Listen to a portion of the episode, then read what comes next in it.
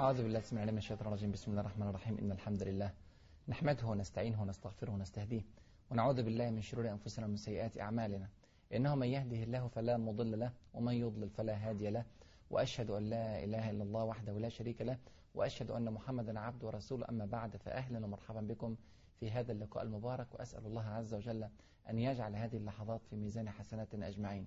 مع الحلقة العشرين من حلقات فتح فلسطين والشام وفي الحلقة الماضية تحدثنا عن التقاء الجيوش الإسلامية من فحل وهي في الأردن الآن وبيسان وهي في فلسطين الآن بين الجيش الإسلامي والجيش الروماني في موقعة من أشرس المواقع في تاريخ الإسلام بل في تاريخ الإنسانية بكاملها.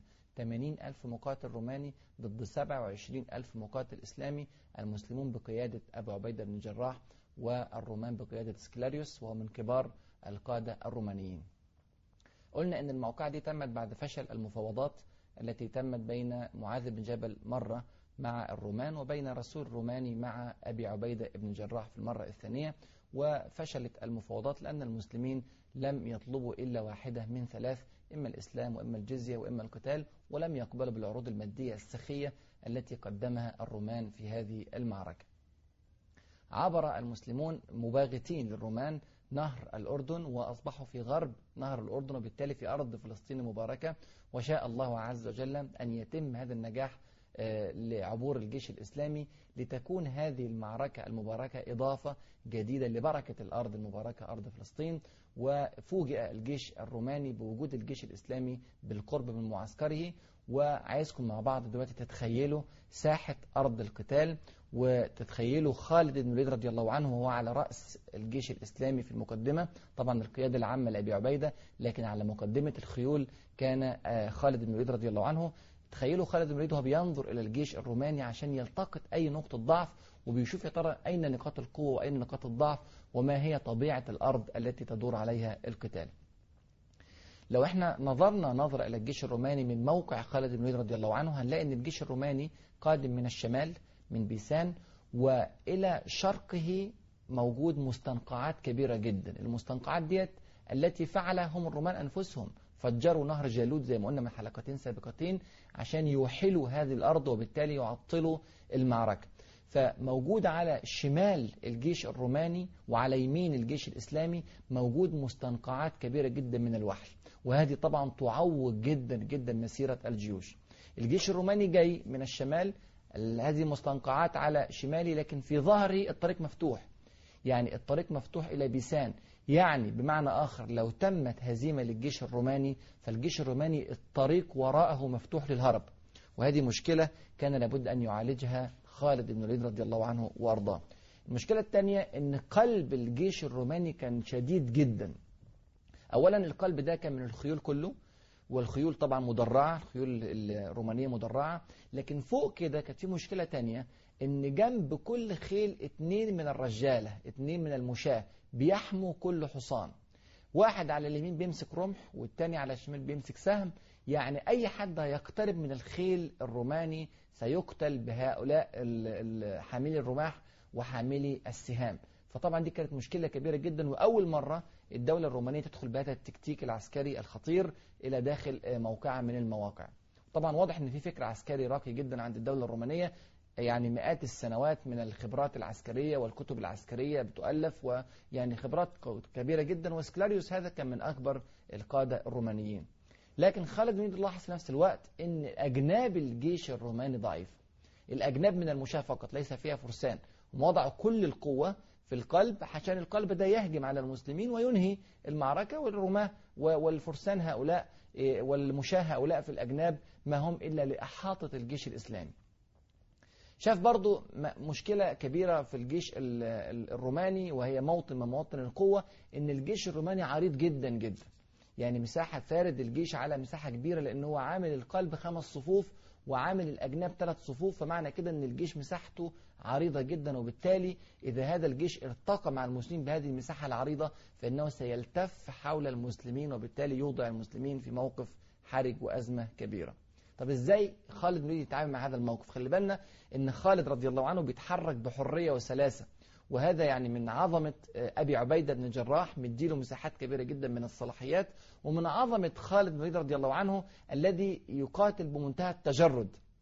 لم يترك المسلمين في أزمتهم ويقول نترك أبا عبيدة يفكر في الأمر ويدبر ويضع الخطة ولكن يتصرف تماما وكأنه رئيس القوم وكأنه زعيم القوم وكأنه المسؤول الأول عن هذا الجيش هذا جيش المسلمين والقتال في سبيل الله ولذلك خالد بن الوليد أعطى كل ما عنده من إمكانيات لهذه الموقعة وإن لم يكن هو القائد العام للجيوش الإسلامية في هذه الموقعة.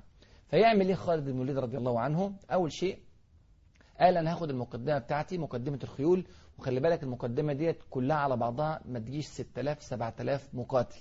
6000 7000 فارس قدامهم أكثر من 80 ألف مقاتل من الرومان. فهاخد المقدمة ديت وأقسمها ثلاث أقسام. خلي بالنا الجيش الإسلامي ورا مش مشترك لحد دلوقتي في هذه الخطة. الخطة بينفذها مقدمة الجيش الإسلامي فقط بقيادة خالد بن الوليد. خد المقدمة بتاعته وقسمها ثلاث أقسام. جعل على الميمنة قيس ابن هبيرة وجعل على القلب ميسرة ابن مسروق وجعل نفسه هو على الميسرة. يعني وده طبعا شيء ما كانش خالد متعود عليه. وكان خالد دايما متعود إن هو يقاتل في القلب عشان يبقى قريب من الأجناب فيقدر يدي أوامره بوضوح للميمنة وللميسرة. لكن المرة دي حط نفسه على الميسرة ليه الكلام ده لأن الميسرة هيكون ليها سبق في القتال في الخطة اللي حطها خالد. ويريد خالد أن يكون أول من يرتطم بالرومان حتى يحدث اثرا سلبيا كبيرا في الجيش الروماني.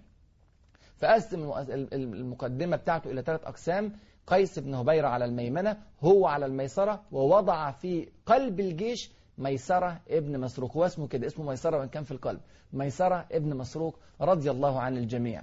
ثم قال إذا حملت فاحملوا ستحمل الميمنة والميسرة على مشاة الرومان يمينا وشمالا ولن يحملوا على القلب. لماذا؟ يريد خالد بن يريد رضي الله عنه وأرضاه أن يحدث نصرا سريعا يقتل عددا كبيرا من من الرومان في أول لحظات المعركة. فهذا سيحدث أمرين. أولا هزيمة نفسية عند الرومان عندما يشاهدوا عدد كبير من القتلى. ثانيا سيخرج الخيول من حماتها لأن الخيول هتبتدي تتحرك بسرعة علشان تحمي الميمنة والميسرة الضعيفة وتقلل من عدد القتلى وبالتالي فتخرج من رجالتها. تخرج من الحماية اللي موجودة بالرماح وموجودة بالسهام وبالتالي يصبح القلب ضعيفا أو عاديا كما هو المعتاد فتهجم عندئذ قلب المسلمين بقيادة ميسرة ابن مسروق ومن بعده الجيش الإسلامي يهجم هجوما عاما فيجد الرومان في أضعف فرصة ممكنة. فوق ده كله أراد خالد بن رضي الله عنه وأرضاه أن يسحب الجيش الروماني بعيدا عن الظهر المفتوح ويجعل في ظهره المستنقعات.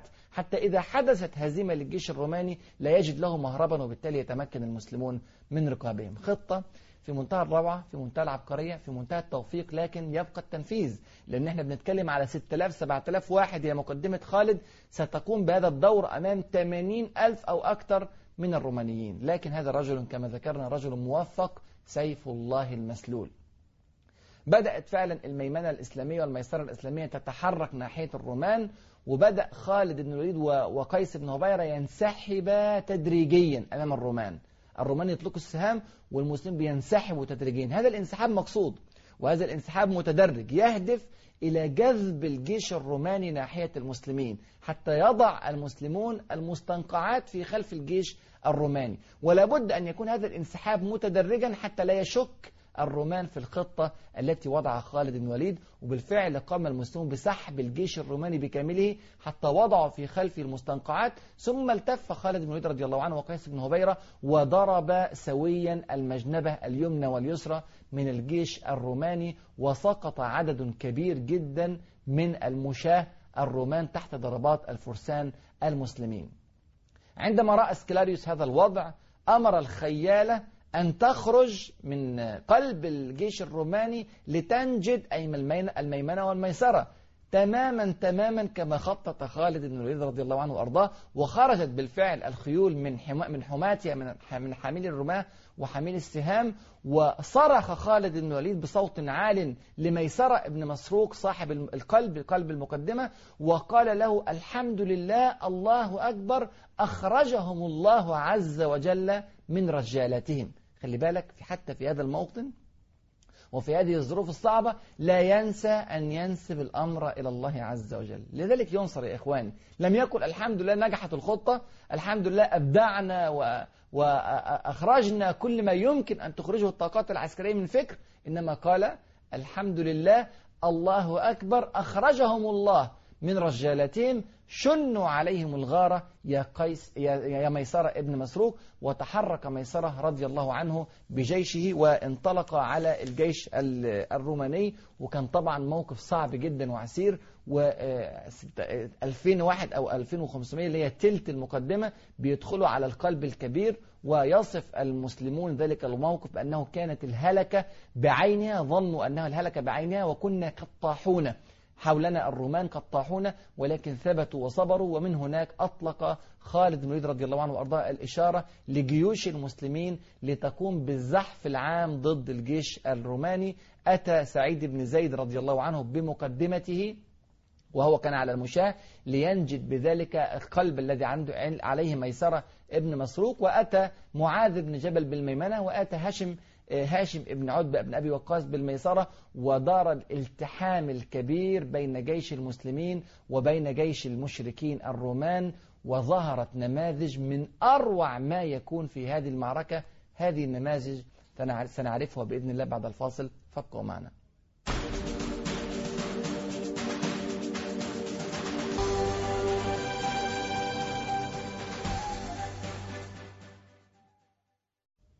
بسم الله الحمد لله والصلاة والسلام على رسول الله. كنا قبل الفاصل بنتكلم على تفصيلات بدايات موقعة بيسان وهي من أشهر وأقوى وأشرس المواقع في تاريخ الإسلام وحقيقة في تاريخ الإنسانية لأن عدد قليل 27 ألف بيقاتلوا 80 ألف مقاتل. شفنا الخطة البارعة التي وضعها خالد بن الوليد رضي الله عنه لسحب الجيش الروماني ووضع المستنقعات في خلف الجيش الروماني شفنا إزاي ضرب الأجناب الضعيفة وقتل عدد كبير منها في البداية شفنا إزاي سحب الخيالة من وسط الحماة لها في القلب واستطاع أن يخوض حربا مفتوحة الآن بدون حراسة الخيالة من المشاة.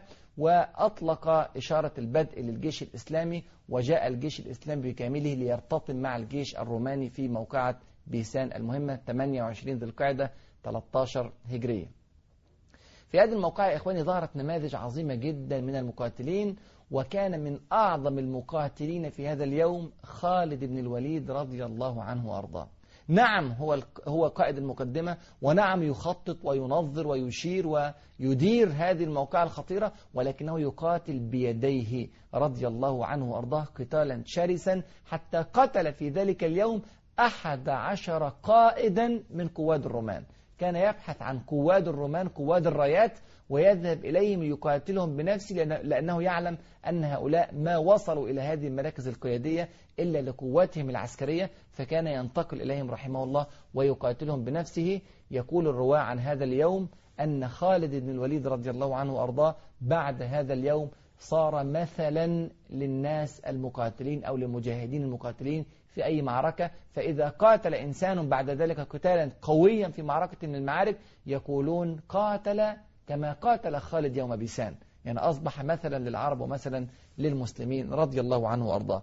يقول الرواة أيضا كان من أمضى الناس في رقاب الرومان في ذلك اليوم معاذ بن جبل رضي الله عنه وأرضاه العالم الجليل أعلم الأمة بالحلال والحرام المفاوض السياسي البارع ومع ذلك كان من أمضى الرجال سيفا في رقاب الرومان رضي الله عنه وأرضاه. قيس بن هبيرة كان من أبرع المقاتلين في هذه المعركة أيضا وهاشم بن عدة ابن أبي وقاص رضي الله عنه هو قائد ميسرة المسلمين يقول هاشم بن عدة حملت رايتي وأقسمت أن أركزها في عسكر الرومان وقلت من أراد أن يتبعني في ذلك فليتبعني فيقول هاشم بن عتبة رضي الله عنه فوالله ما تخلف عني رجل واحد من جنودي.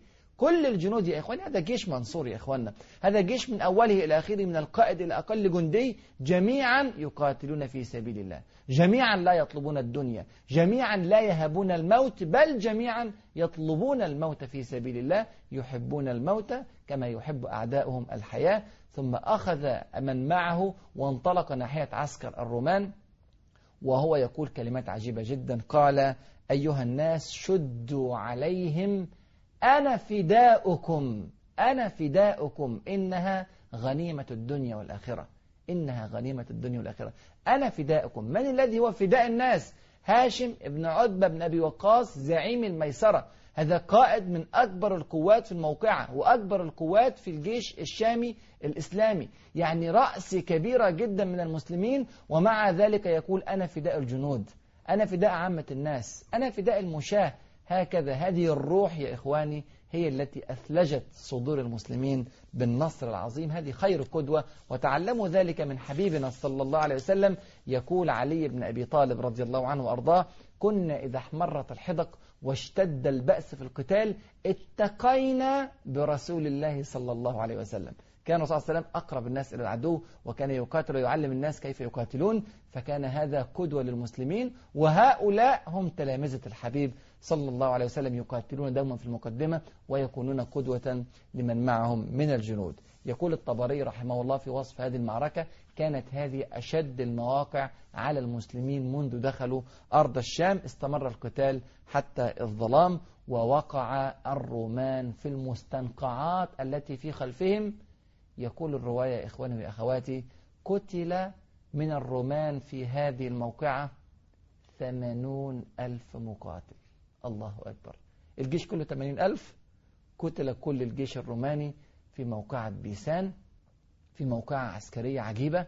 المحللون العسكريون من أهل الشرق والغرب لا يفهمون كيف يستطيع 27 ألف مقاتل أن يقتلوا 80 ألف مقاتل محترف في عقر دارهم في بلادهم. تدربوا على القتال سنوات طويلة بعدة حسنة بخيول برماح بسهام بسيوف.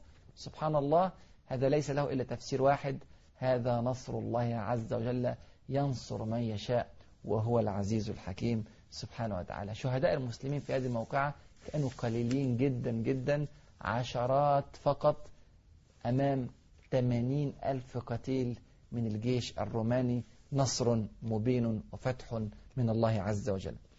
لما نيجي نفكر كده في أسباب النصر في هذه الموقعة طبعا واضح بوضوح وجلاء ولا يمكن أن نضع سببا إلى جواره أن الله نصر هؤلاء. أن الله عز وجل أنزل نعمته على هؤلاء. لكن يا إخواننا عايز عايزكم تلاحظوا شيء مهم جدا. أن الله نصرهم بما كانوا يكرهون. وما الذي كانوا يكرهون؟ كانوا يكرهون الوحل والمستنقعات هذه. لما فجر الرومان نهر جالوت ليعوقوا حركة الجيش الإسلامي كره المسلمون ذلك. لأن المسلمين لو تذكروا كانوا في أرض قفر ليس فيها زراعة وطول الانتظار للقتال سيصعب موقفهم جدا. أما الرومان فكانوا يقاتلون في أرض خصبة ويأتيهم المدد كل يوم فكانت المطاولة أفضل لهم. فعندما فجر الرومان نهر جالوت وأقاموا هذه المستنقعات والوحل الكثير في أرض فلسطين ليعوقوا حركة القتال كان هذا يكرهه المسلمون ثم إذا بالله عز وجل ينصرهم من حيث يكرهون. كتب عليكم القتال وهو كره لكم وعسى أن تكرهوا شيئا وهو خير لكم وعسى أن تحبوا شيئا وهو شر لكم والله يعلم وأنتم لا تعلمون. لكن لماذا ينزل نصر ربنا سبحانه وتعالى على هؤلاء؟ لأنهم يا إخواني وأخواتي أخذوا بكل أسبابهم. قاموا من الليل يصلون. وقاموا الفجر يصلون ورفعوا أكفهم بالدعاء ولكنهم لم يكتفوا بذلك وضعوا الخطة وباغتوا عدوهم وقاتلوا بقوة ورموا السهام بدقة وحاربوا وصبروا وثبتوا حتى كتب الله عز وجل النصر لهم. لابد أيضا أن نلحظ في هذه الموقعة سرعة بديهة القائد المسلم. القائد المسلم وإن كان القائد العام أبو عبيدة بن الجراح رضي الله عنه إلا أن خالد بن الوليد رضي الله عنه لا ينكر فضله في هذه الموقعة. هو الذي فعل كل هذا الجهد الكبير بمقدمته الصغيرة. ستة ألاف أو سبعة ألاف قلبوا الموازين تماما في أرض المعركة. وهذه سرعة البديهة وهذا الذكاء وهذه المهارة كانت أقوى بكثير من القائد العسكري المخضرم سكلاريوس. وعلى فكرة سكلاريوس ده حصل له موقف غريب جدا في الموقعة. تعرفين بعد ما دارت الموقعة ببعض آه، لحظات من أوائلها سكلاريوس لم يستطع أن ينظر إلى هذه النتائج وهذه المشاكل التي يتعرض لها الجيش الذي يقوده وهو صاحب الخبرة الطويلة. عارفين عمل حاجة غريبة جدا لف رأسه بثوب حتى لا يرى هذه الهزيمة وأطيحت رأسه وفيه وهي في ثوبها.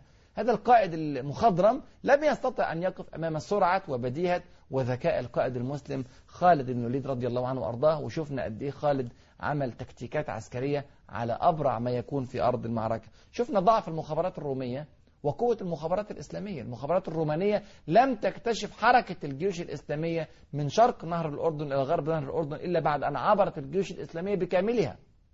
27 ألف مقاتل بيعبروا نهر الأردن. هذا شيء صعب لكن لم تكتشف المخابرات الرومانية. ونستطيع أن نقول أن الله عز وجل أعمى بصائرهم وأعمى بصيرتهم فلم يكتشفوا خطة المسلمين. سرعة حركة المقاتل المسلم كفاءة المقاتل المسلم قوة المقاتل المسلم. عشان نقتل 80 ألف مقاتل في يوم واحد الكلام ده محتاج جهد كبير ومحتاج قوة ساعد ومحتاج سرعة حركة ومحتاج إمكانيات بدنية ومهارية عالية جدا وفائقة. الروح العالية جدا يا اخوانا عند المسلمين. الناس بتقاتل مش عشان تعيش عشان تموت. ومستحيل مستحيل جيش في الدنيا يقدر يقاتل ناس عايزين يموتوا في سبيل الله. آثار هذه الموقعة كانت عظيمة جدا. تسلم المسلمون بعد هذه الموقعة أرض الأردن بكاملها وتسلموا أرض فلسطين بكاملها في غضون ثلاثة أشهر فقط ولم يبقى من فلسطين لم يفتح إلا المدن الساحلية فقط. يافا وعكا وحيفا وعسقلان وقيسارية وصور في جنوب لبنان. هذه المدن الساحلية لم تسقط في هذا الوقت ولكن سقط معظم فلسطين وبقيت القدس وبقيت المدن الساحلية وتحرك المسلمون من جديد لفتح دمشق. زي ما أنتم شايفين كل موقعة بعد ما بيتم النصر بنتجه مرة ثانية لدمشق لأنها عقر دار الشام ولو سقطت فإن ذلك يفت كثيرا في عضد الرومان. دمشق يا إخواننا حصونها كبيرة جدا وصعبة جدا. دمشق الحصون بتاعتها بناها الرومان منذ قديم الأزل. أسوار كبيرة جدا. ارتفاع السور 6 متر وعرض السور للداخل 4.5 متر 4.5 متر. يعني صعب جدا أن ينقب هذا السوق أو السور أو يخترق هذا السور. ومش بس كده ده حوالين الأسوار خندق كبير يتسع في بعض الأماكن ويضيق في بعض الأماكن وهذا الخندق مليء بالماء. كل هذا تحصين لمدينة دمشق وهي عقر دار الشام كما ذكرنا. وكان حول لمدينة دمشق يعني أبواب كثيرة يعني يقول الرواة والمؤرخون المعاصرون في القرن الثالث والرابع الهجري عندما كتبوا هذه الكتابات وهذه الكتب أن أبواب دمشق كانت عشرة لكن حقيقة في وقت الفتح لم يكن هناك إلا سبعة أبواب فقط. فجاء الجيش الإسلامي وبدأ الحصار حول دمشق في 15 ربيع الأول من سنة 14 هجرية. الموقف كان صعب جدا وزع المسلمون أنفسهم حول أسوار دمشق. كان أبو عبيدة في غرب دمشق وكان خالد بن في شرقها وكان شرحبيل بن حسنة رضي الله عنه وأرضاه في جنوبها وكان في شمالها. وهو عمرو بن العاص وكان في جنوبها يزيد ابن أبي سفيان. ترى ماذا سيحدث مع الجيش الإسلامي المحاصر لدمشق؟ وهل ستسقط دمشق في هذه المرة؟ وهل سيسقط الرومان عن حصار المسلمين لعقر دار الشام؟ هذا بإذن الله ما سنعرفه في الحلقة القادمة. أسأل الله عز وجل أن يفقهنا في سننه وأن يعلمنا ما ينفعنا وأن ينفعنا بما علمنا إنه ولي ذلك والقدر عليه. والسلام عليكم ورحمة الله وبركاته.